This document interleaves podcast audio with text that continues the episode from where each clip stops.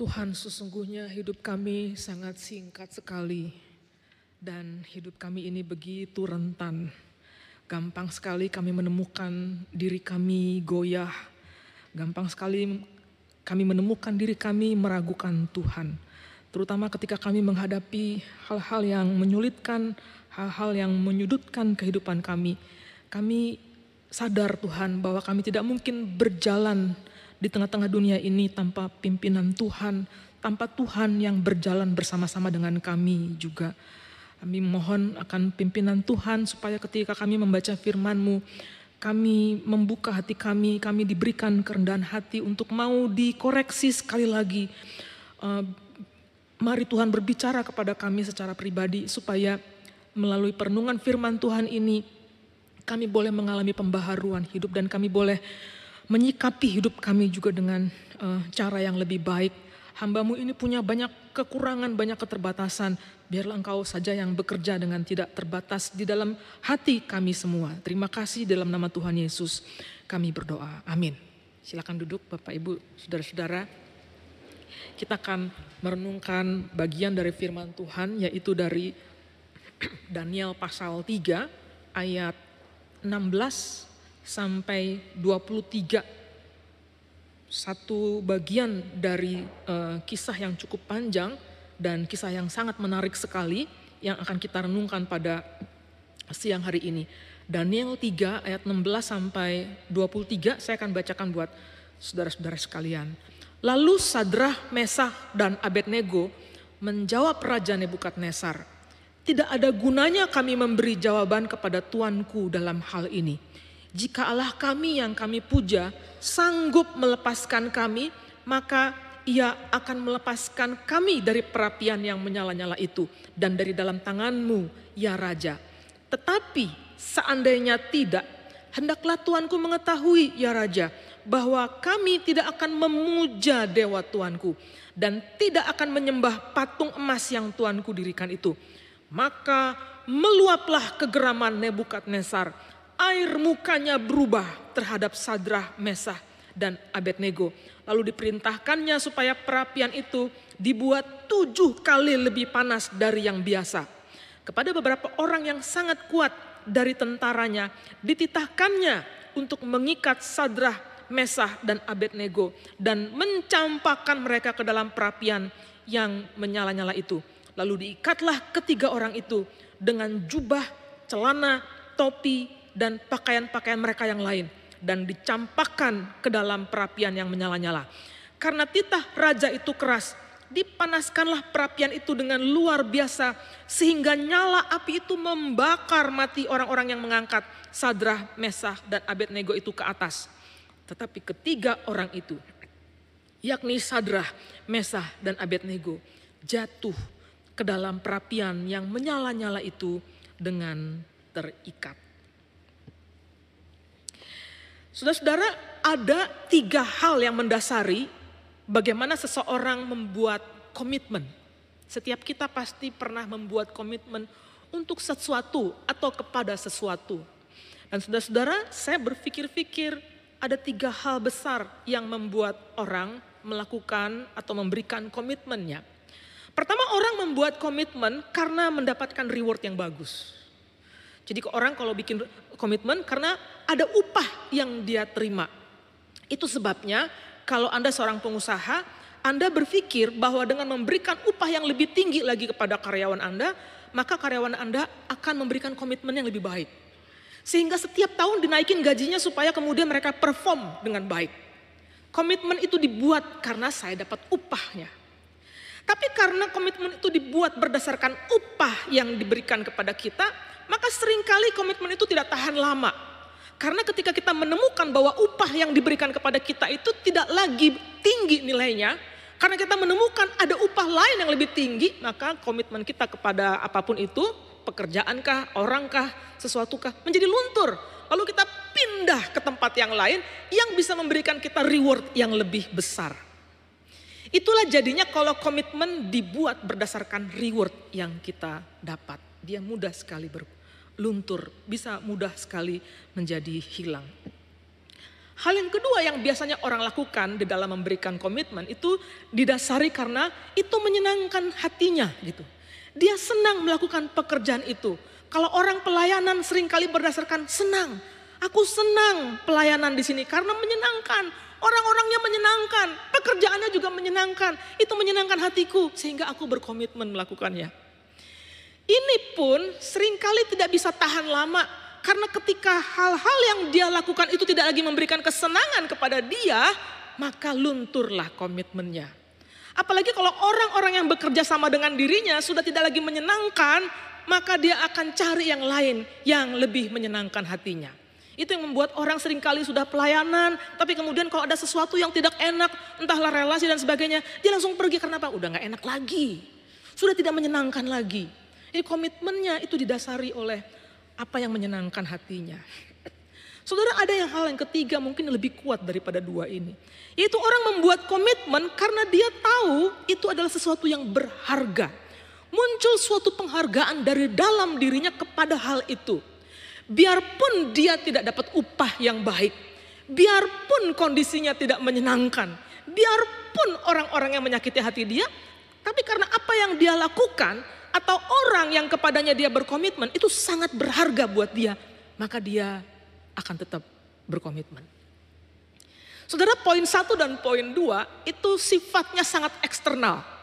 Dan itulah yang membuat sering kali komitmen kita tidak tahan lama. Tapi yang ketiga mungkin lebih internal. Yang membuat komitmen itu bisa bertahan dengan lama.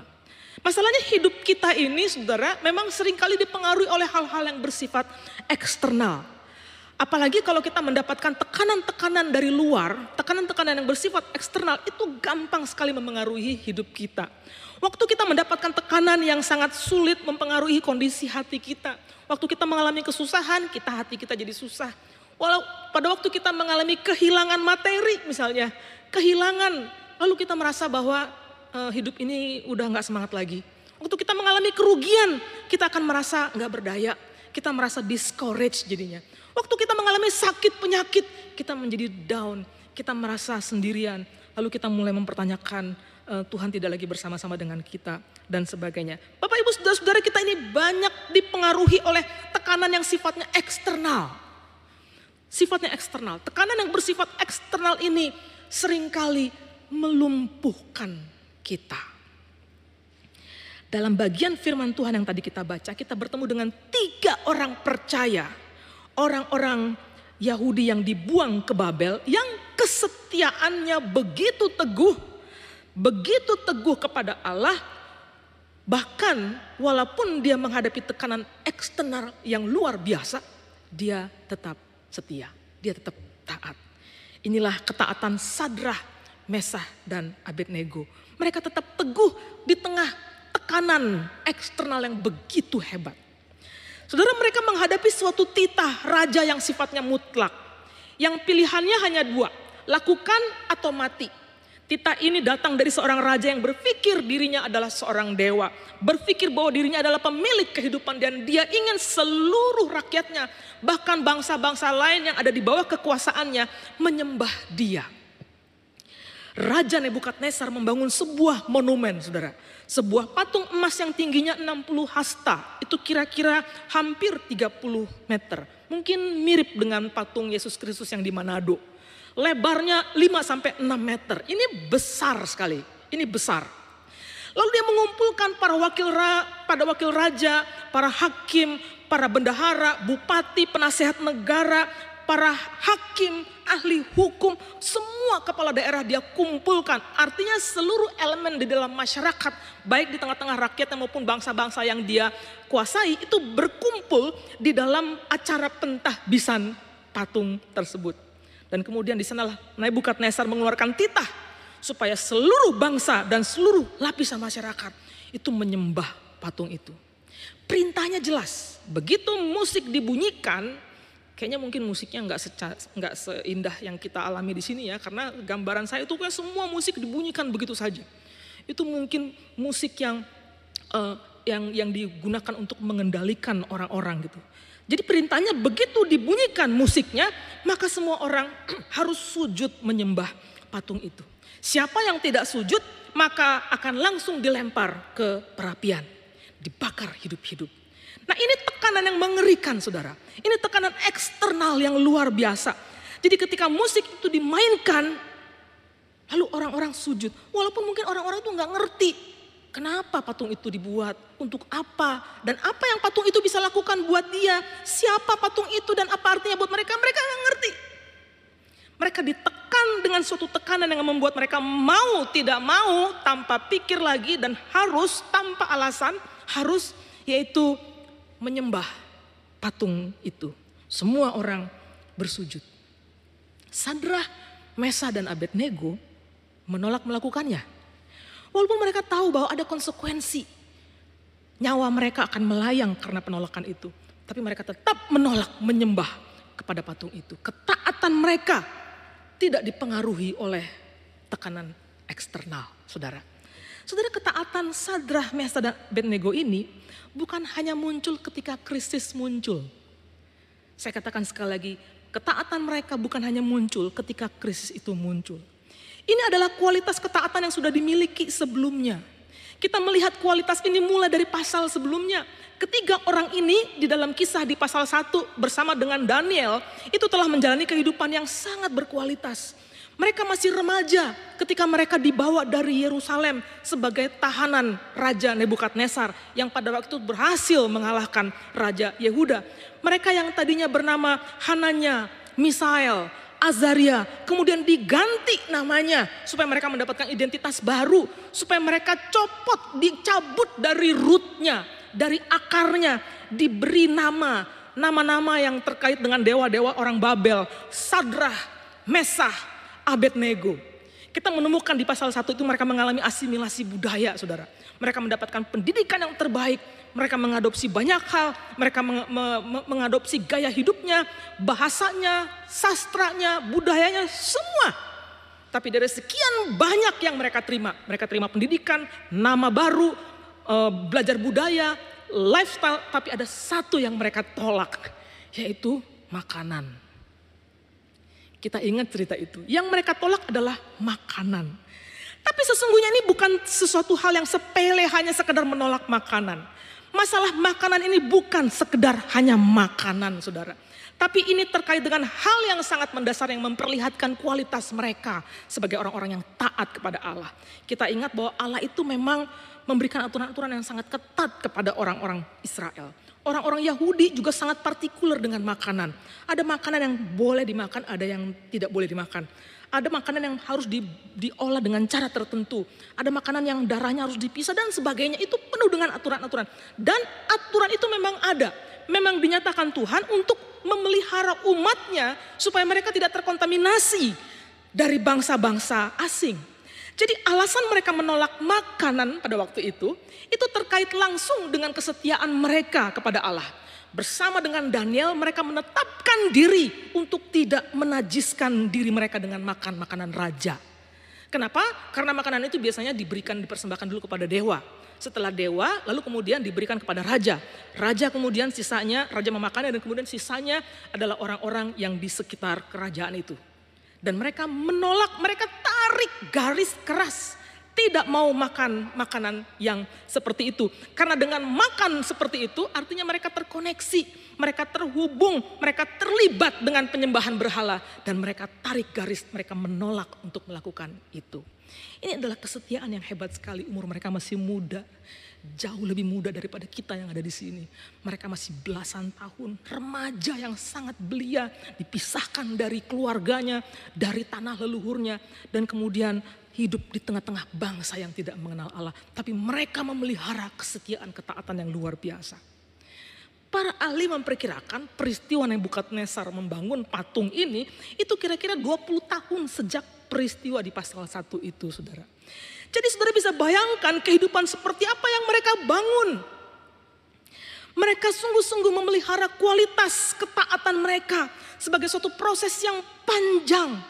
Panjang sekali yang mereka bangun di dalam hidup mereka taat kepada Tuhan. Ini proses yang bertahun-tahun. Saudara, pertanyaannya adalah apakah kita saat ini sedang ada di dalam proses membangun kualitas hidup yang taat kepada Allah? Atau kita nggak pernah mikirin soal taat? Buat kita tuh taat barang antik. Hari ini kita diperhadapkan dengan satu hal yang Tuhan tuntut dari kita, yaitu ketaatan. Saudara jangan tunggu hidup susah baru saudara kita belajar taat. Jangan tunggu ada krisis tekanan hidup datang kepada kita baru kemudian kita mengatakan aduh Tuhan aku belajar taat. Ketaatan itu harus dilatih mulai dari hal-hal yang kecil bahkan ketika kesusahan itu belum datang. Kesusahan itu belum datang.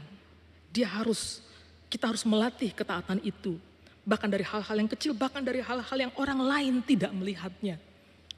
Ilustrasinya gini saudara, kalau kita naik pesawat udara, maka sebelum lepas landas, ketika itu pesawat mulai mundur begitu kan ya, lalu biasanya yang terjadi apa? Stewardess akan berdiri dan kemudian dia akan memperkenalkan cara-cara menggunakan berbagai alat di dalam uh, pesawat itu kan memperkenalkan pintu exit ada berapa gitu.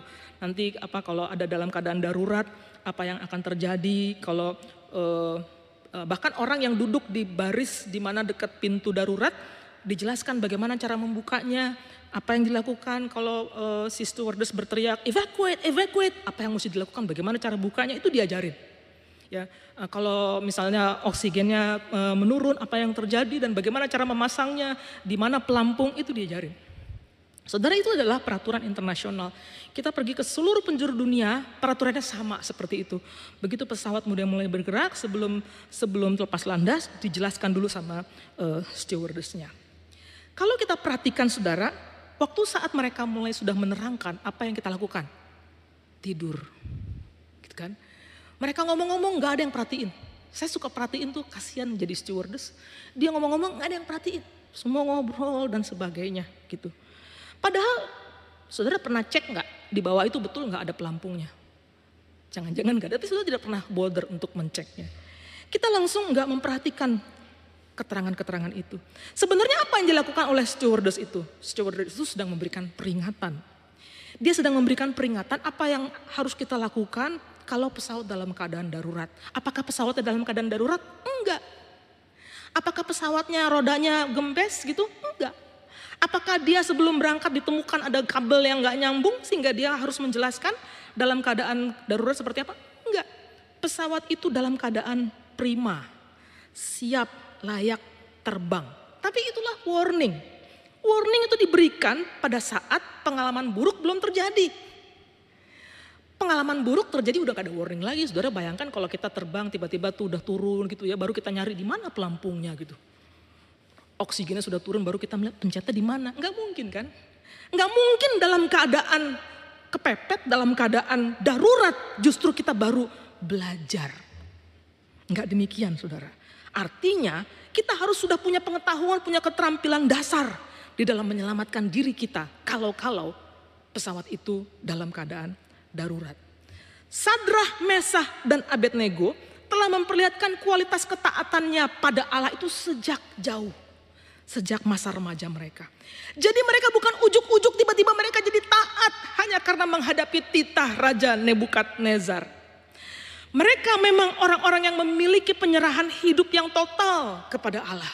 Sehingga ketika tekanan besar datang, kondisi eksternal menghimpit mereka itu tidak melunturkan ketaatan mereka. Saudara-saudara ketaatan mereka ini adalah ketaatan yang total dan menolak untuk kompromi.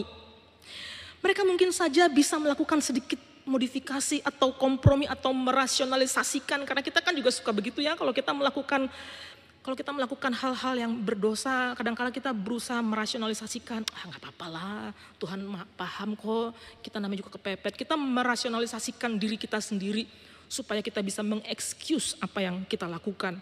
Dan mereka bertiga tidak melakukan itu. Bisa saja mungkin mereka mengatakan, ah nggak apa-apa lah sujud sedikit aja. Sedikit aja badannya sujud supaya kondisi ini aman gitu. Toh sujud itu kan cuma masalah badan, tapi hatiku tetap pada Allah. Tapi dia nggak bilang begitu saudara. Ketiga orang ini tidak memikirkan dirinya, tidak memikirkan keselamatannya. Yang mereka pikirkan hanyalah mentaati Tuhan. Menyatakan kesaksian iman mereka. Ini luar biasa. Mereka mengatakan, Raja tidak ada gunanya kami memberi jawab kepada Tuanku. dalam hal ini. Artinya dia nggak mau mencoba membela-bela Tuhan. Artinya dia tidak mencoba menjelas-jelaskan. Sadrah, Mesa dan Abednego berhadapan muka dengan muka dengan raja yang murka. Ini kekuasaan yang luar biasa. Di mata Nebukadnezar mereka itu kecil, nggak ada artinya, nggak ada kuasanya. Itu seperti semut di hadapan gajah yang begitu besar dan berkuasa. Dan kemarahan Nebukadnezar ini terlihat sekali besar sekali kemarahannya saudara-saudara sampai dikatakan dia minta supaya perapian itu dinaikkan, dipanaskan tujuh kali lipat lebih panas gitu. Pikir-pikir ya untuk apa dia panasin tujuh kali gitu. Sekali aja api normal aja kan sudah bisa bikin orang mati saudara. Ya kenapa harus tujuh kali? Untuk apa tujuh kali? Tapi inilah memperlihatkan kemarahan seorang raja yang ditolak Memang saudara-saudara semakin tinggi kesombongan seseorang, semakin besar juga kemarahan yang ditonjolkannya ketika kekuasaannya di challenge.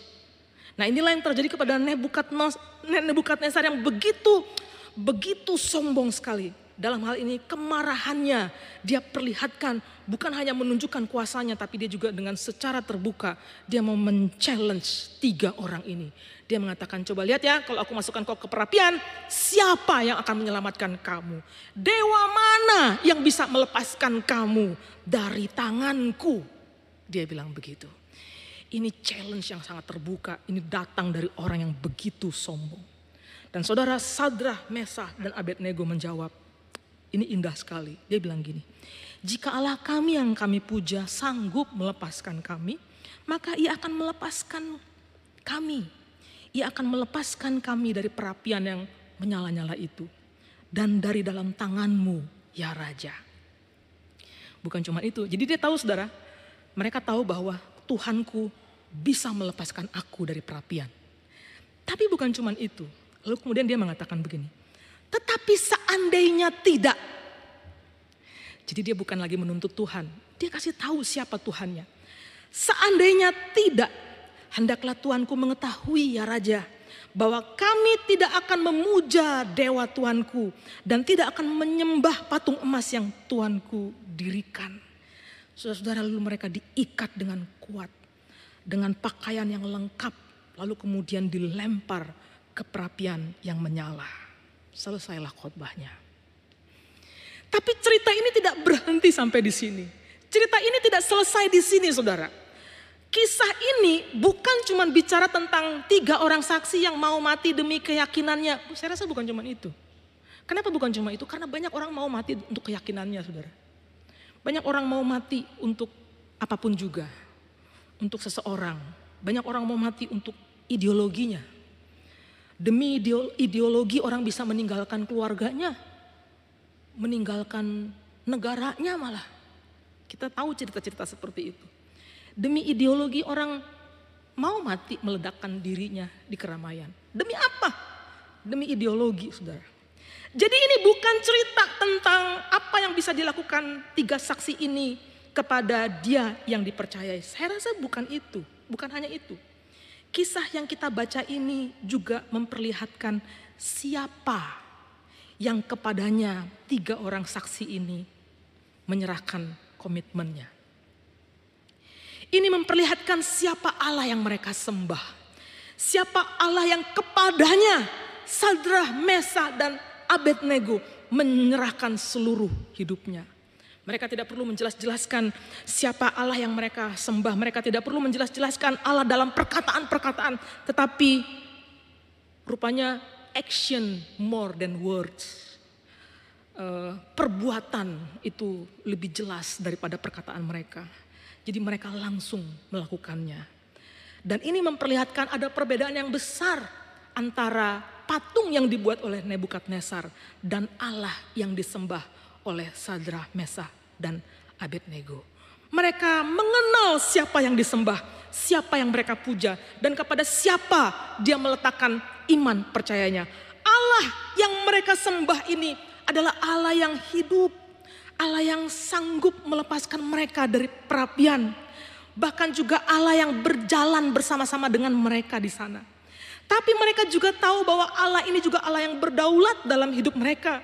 Sehingga kalaupun mereka mati di dalam perapian itu, Sadrah, Mesa dan Abednego mengatakan aku akan tetap menyembah Allah dan aku tidak akan pernah menyembah patung yang kau buat. Saudara Allah bisa menyembuhkan kita dari sakit penyakit. Tapi Allah bisa juga mengizinkan kita hidup dalam sakit penyakit. Allah bisa mengizinkan kita sakit penyakit itu menggerogoti tubuh kita dan kemudian kita menemukan kematian. Allah bisa melepaskan kita dari kesusahan, dari penderitaan. Tapi dia juga bisa mengizinkan kita menderita. Tapi tetap dia Allah yang berkuasa. Allah adalah Allah yang tetap mengasihi kita. Allah yang baik buat kita. Walaupun kalau hari ini saudara sedang ada di dalam kesusahan, ada di dalam penderitaan, dia tetap Allah yang baik buat kita. Itulah yang dipahami oleh Sadrah, Mesa, dan Abednego. Ini adalah ketaatan yang total, sebuah integritas tanpa kompromi. Tidak goyah.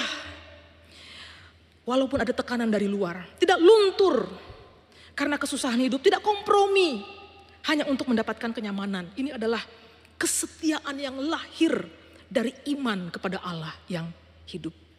Saudara, kisah ini tidak berakhir pada kematian.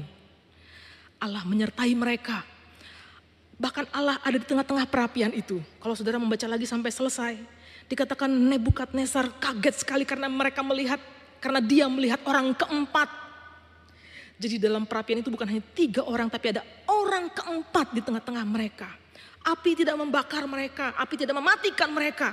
Karena Allah mengirimkan malaikatnya untuk menjaga, melindungi, bahkan berjalan di tengah-tengah mereka. Melepaskan mereka dari perapian itu. Saudara cerita ini dibaca terus oleh orang-orang Yahudi. Terus dibaca. Dan dibaca juga oleh orang-orang percaya di segala tempat, di segala abad, di segala zaman. Tidak pernah digambarkan hidup orang percaya itu selalu mudah, pasti lancar, pasti kaya, pasti punya kedudukan, pasti hidupnya mapan tanpa ancaman. Enggak pernah ada gambaran seperti itu di dalam Alkitab bahwa orang yang percaya Kristus pasti punya kedudukan, pasti merasakan kehidupan yang enak. Enggak pernah. Ketika seseorang berdiri di dalam iman percaya mereka kepada Kristus, cepat atau lambat akan ada kesulitan. Cepat atau lambat akan ada kesusahan dan tantangan yang datang. Orang Kristen mula-mula juga mengalami itu dan kisah ini menjadi penghiburan. Kisah ini membuat mereka dapat meng, meng, mengidentifikasi diri mereka dengan ketiga orang saksi ini. Kalau kita melihat orang-orang Kristen mula-mula yang digambarkan di dalam surat Ibrani, mereka juga tahu persis bahwa penderitaan karena iman percaya itu adalah suatu keniscayaan. Itu suatu kenyataan, itu realita orang percaya adalah mengalami kesusahan karena kepercayaannya. Tapi janji Allah itu jelas sekali saudara-saudara. Dalam Ibrani pasal 13 ayat 5, penulis Ibrani mengutip perkataan Allah dari perjanjian lama. Dikatakan ini adalah penghiburan dibilang begini. Allah mengatakan, aku sekali-sekali tidak akan meninggalkan engkau. Wah itu penghiburan yang luar biasa. Hari ini mungkin Anda ada dalam keadaan sulit. Ada kesusahan hidup, ada penderitaan yang panjang mungkin. Ada kebingungan, Anda tidak tahu apa yang harus dilakukan. Pertanyaannya adalah apakah Anda tetap mau berdiri teguh? Apakah Anda tetap taat kepada Tuhan? Mari kita ingat bahwa Tuhan sekali-kali tidak akan pernah meninggalkan kita. Saya teringat dengan satu kisah pada abad kedua. Ada seorang bishop bernama Polikarpus. Dia ditangkap dan dijatuhi hukuman mati oleh pemerintah Romawi. Dia dibawa ke tengah arena yang dipenuhi oleh banyak orang berteriak-teriak menginginkan dia mati. Polikarpus diminta untuk mengingkari iman percayanya kepada Kristus. Kalau dia mengingkari iman percayanya maka hukuman mati itu tidak akan dilanjutkan. Hukuman mati akan dihentikan. Jadi tentara Roma bertanya, mau gak kau menyangkal imanmu? Ketika ditanya begitu Polikarpus menjawab begini saudara. Selama 86 tahun aku mengabdi pada Tuhan sebagai hambanya. Dan tidak pernah, dia tidak pernah melakukan hal yang salah padaku. Bagaimana mungkin aku mengkhianati rajaku yang sudah menyelamatkan aku? kata Polikarpus. Lalu pemimpin Romawi bilang begini, kami akan lepaskan binatang buas untuk memakanmu.